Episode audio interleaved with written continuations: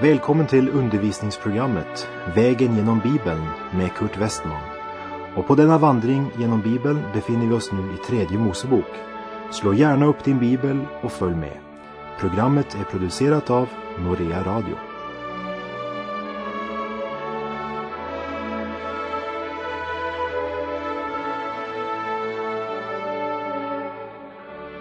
Vi avslutade det förra programmet med vers 34 i tredje Moseboks 25 kapitel.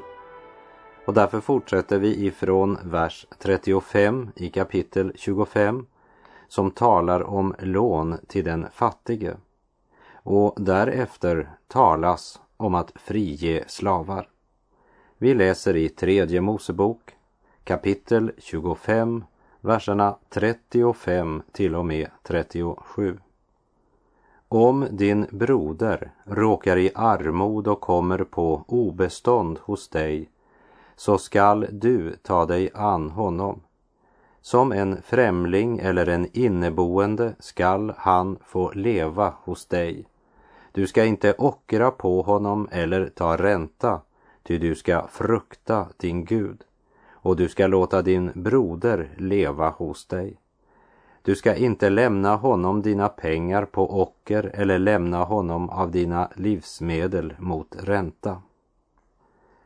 Den eh, troende israelit ska visa sin gudsfruktan i praktisk vardagshandling.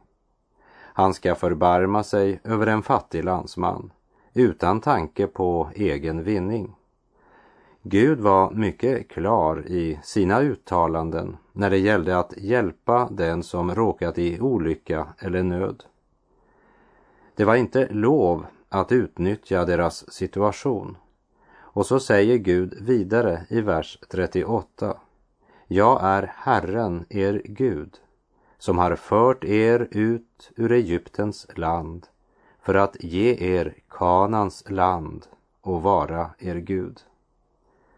Herren begrundade alltså med den sanningen att varje israelit har upplevt Guds välsignelse genom att han har fått Kanan som sitt eget land. Och Herren har lovat att vara hans Gud. Och tanken på Guds välgärningar skulle driva honom till omsorg och insats för den nödställda. Vi läser verserna 39 till och med 42.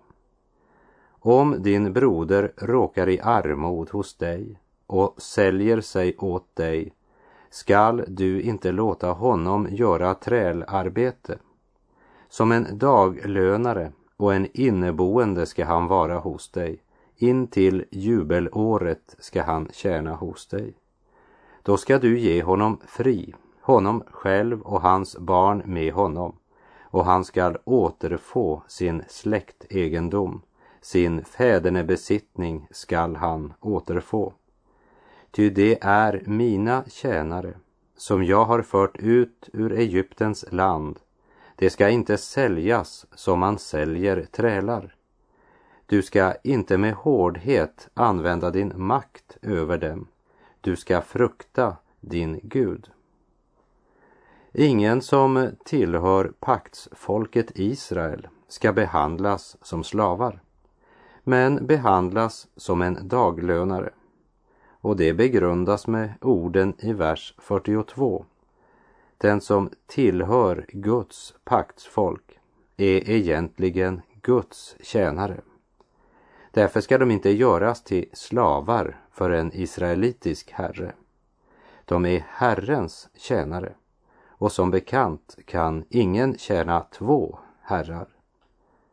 Verserna 44 till 46. Men om du vill skaffa dig en verklig träl eller trälinna så ska du köpa en sådan träl eller trälinna från hedningarna som bor runt omkring er.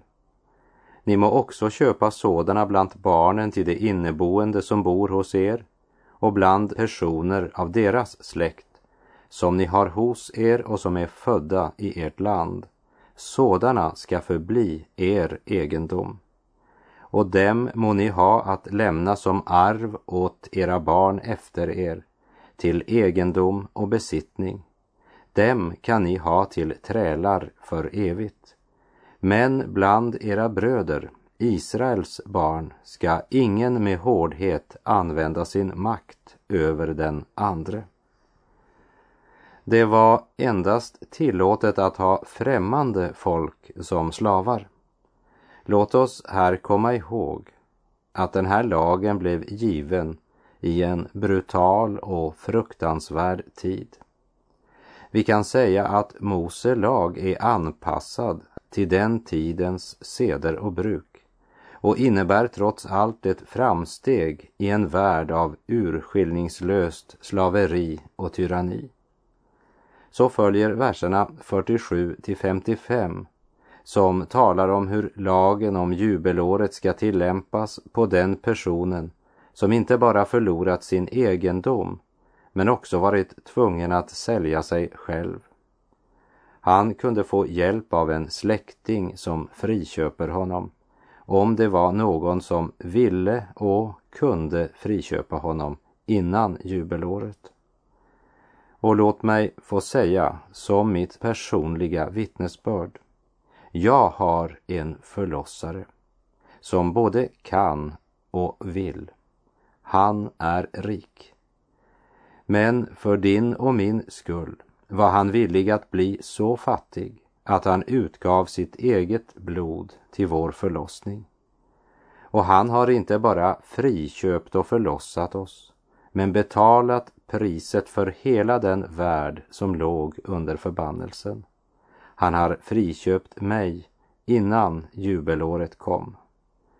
Men in till den dag då det eviga jubelåret kommer så måste jag leva som en främling i denna syndens jord. Men eh, jag lever som frigjord, eller som Johannes vittnar i Johannes 8.36. Om nu Sonen befriar er blir ni verkligen fria. Och jag är trött av min vandring i en värld fylld av oro men jag vet allt skall förvandlas en dag Vilken morgon så klar när vår jord förvandlats har. Efter natt följer morgon underbar.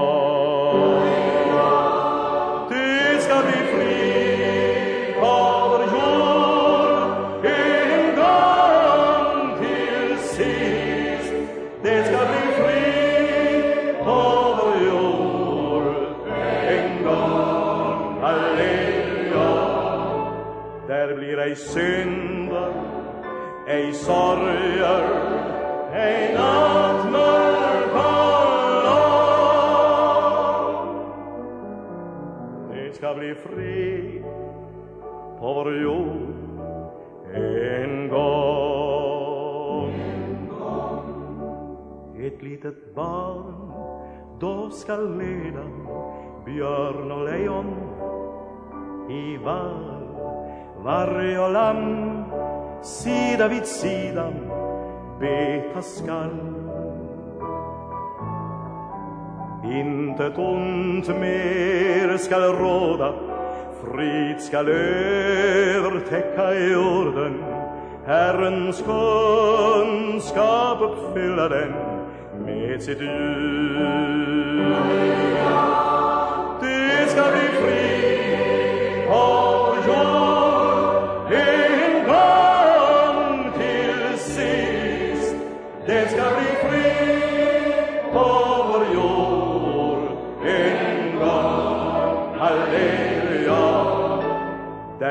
ej synder, ej sorger, ej nattmörk och lång. Det ska bli frid på vår jord en gång.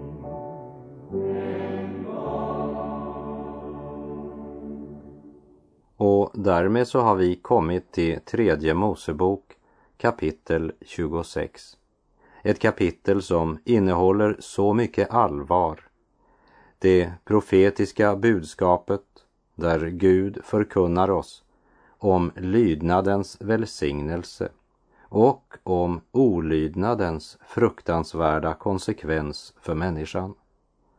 Israel är Guds tjänare och kapitel 26 talar om på vilka villkor Guds paktsfolk arrenderar löfteslandet.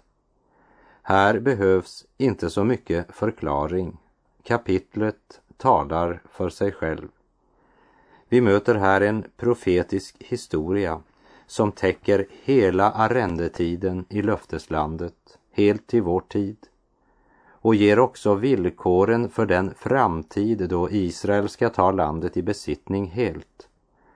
Det är ett väldigt ommigt kapitel, det vill säga ordet om dominerar kapitlets innehåll starkt.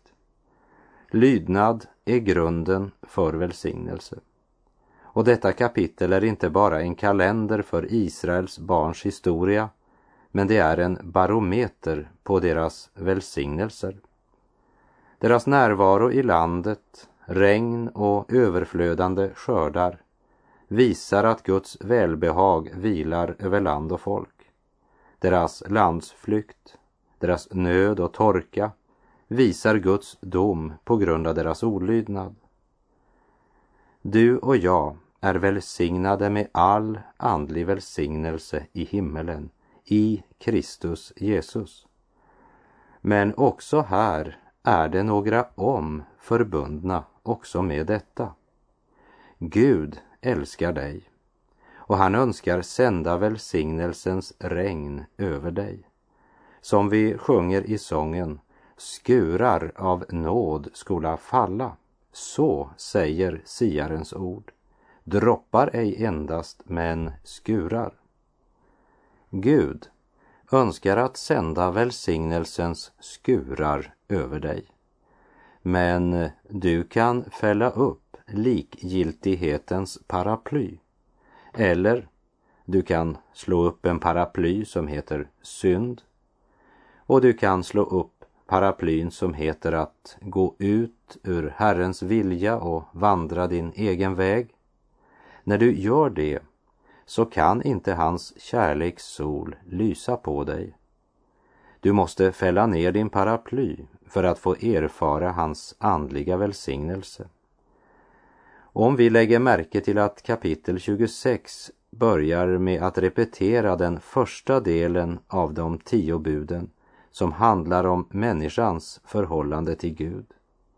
I det här programmet så ska vi se på verserna 1 till 13 som talar om den välsignelse som ska komma över Israel om de lyder Herrens bud. Och vi läser i tredje Mosebok kapitel 26, de två första verserna. Ni ska inte göra er några avgudar, inte heller resa åt er något beläte eller någon stod, eller sätta upp i ert land stenar med inhuggna bilder för att tillbe vid dem. Ty jag är Herren, er Gud. Mina sabbater ska ni hålla och för min helgedom ska ni hysa fruktan. Jag är Herren. Det här är det mest grundläggande för Israel om de ska inta landet och grundläggande för att de ska bli i landet. Deras besittelse av landet är beroende av deras lydnad för Gud. Det hebreiska grundordet för avgud är ''alil'', som betyder intet eller ingenting. De ska inte göra sig något intet. Det är svårt att göra en ingenting. Och ändå är det så många människor som gör just ingenting med sitt förhållande till Gud. Allt vad det så vara må, som tar Guds plats i vårt liv är en avgud. Och allt som betyder så mycket för dig att du är villig att bryta Guds bud för att uppnå det, det är en avgud.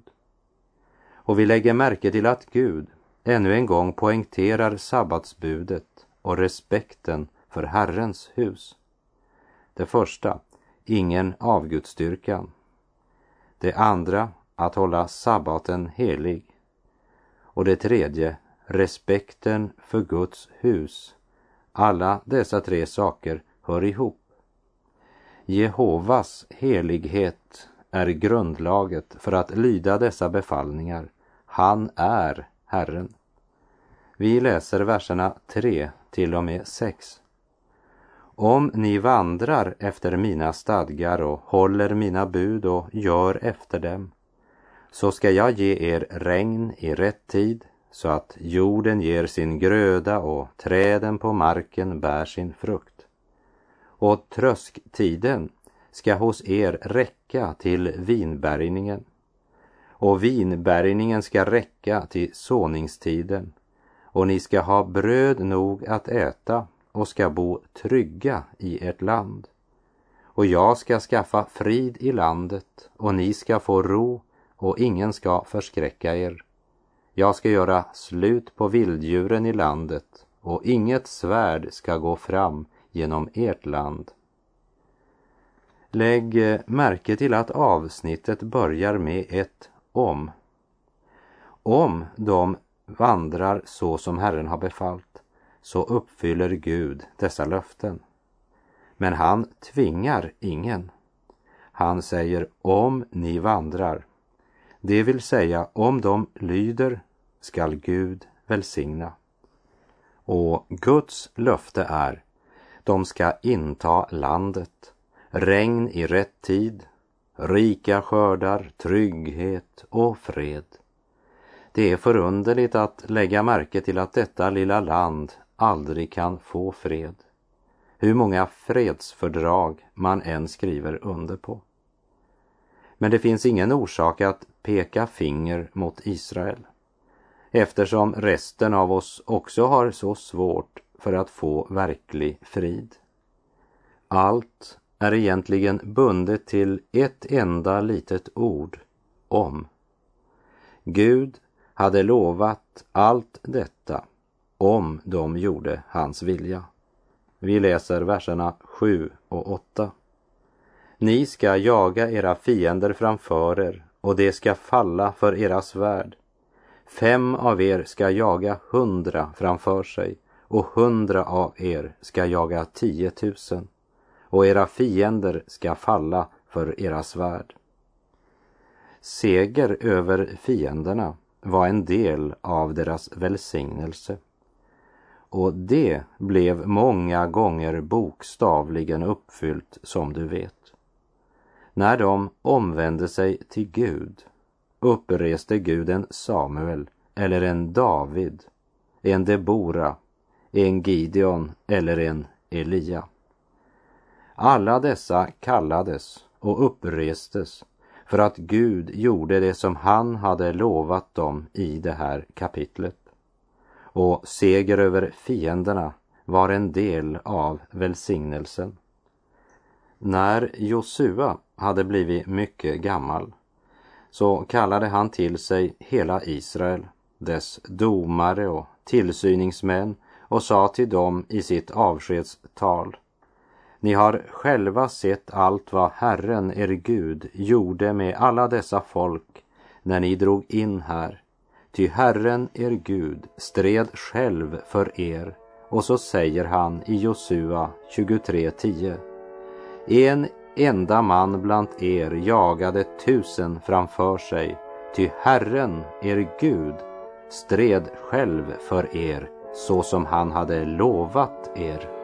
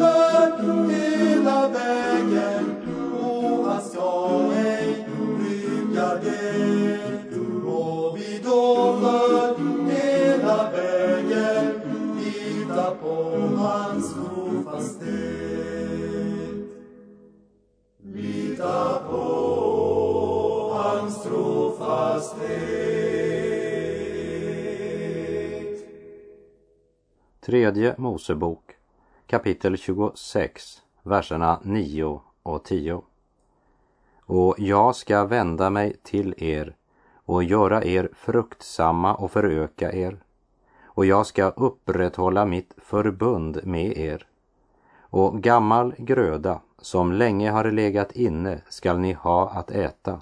Ni ska tvingas skaffa undan den gamla för den nya. En befolkningsexplosion i Israel var en del av välsignelsen. Idag ser man väl inte befolkningsexplosion som en välsignelse. Men deras befolkningsökning skulle inte förorsaka problem med matvaror. För skördarna skulle välsignas så rikligt att de måste skaffa undan den gamla skörden för den nya som kom. De klarade inte att äta upp allt. Och i vers 11. Och jag ska resa min boning mitt ibland er och min själ ska inte försmå er. Du må aldrig påstå att Gud inte avskyr synden, för det gör han. Och han kommer aldrig att kompromissa med synd i ditt liv eller i mitt liv. Men han reste sitt tabernakel mitt ibland dem. Och tabernaklet i Israels mitt var ett tecken på välsignelse. Och detta är det stora framtidshoppet som ska gå i uppfyllelse för den jord som är evig. Och det är uttryckt i Bibelns sista bok, Uppenbarelseboken, kapitel 21 och vers 3. Och från tronen hörde jag en stark röst som sade, se, Guds tält står bland människorna och han skall bo mitt ibland dem och det ska vara hans folk och Gud själv ska vara hos dem. Och vi läser vidare i tredje Mosebok 26 12. Jag ska vandra mitt ibland er och vara er Gud och ni ska vara mitt folk. Gud lovar att ha gemenskap med dem som lyder honom. Och detsamma säger han till oss idag. När vi vandrar i hans ljus, då har vi gemenskap både med honom och med varandra. I Andra Korinthierbrevet 6.16 står det hur kan Guds tempel förlikas med avgudar? Vi är den levande Gudens tempel. Ty Gud har sagt, jag ska bo och vandra mitt ibland dem och vara deras Gud, och det ska vara mitt folk. Och i Johannes första brev, kapitel 1 och vers 7. Men om vi vandrar i ljuset, liksom han är i ljuset, då har vi gemenskap med varandra och blodet från Jesus, hans son, renar oss från all synd. Tredje Mosebok 26, 13. Jag är Herren, er Gud, som förde er ut ur Egyptens land för att ni inte skulle vara trälar där, och jag har brutit sönder ert ok och låtit er gå med upprätt huvud. Framtidens löfte om välsignelse vilar på den fasta historiska händelsen då Gud befriade Israel från Egyptens träldom. Han förkunnar för dem att detta har jag gjort för er i det förflutna. Vet ni inte att jag ska göra detsamma i den tid som kommer? Och detsamma säger han oss idag, som Paulus skriver i Filipperbrevet 1, vers 6. Och jag är övertygad om att han som har börjat ett gott verk hos er också skall fullborda det till Kristi Jesu dag. Du kan lita på att eftersom han har burit dig fram till denna stund så kommer han också att leda dig fram till Jesu Kristi dag. Och till det säger jag halleluja. För döden är inte det sista. Det är bara början på evigheten.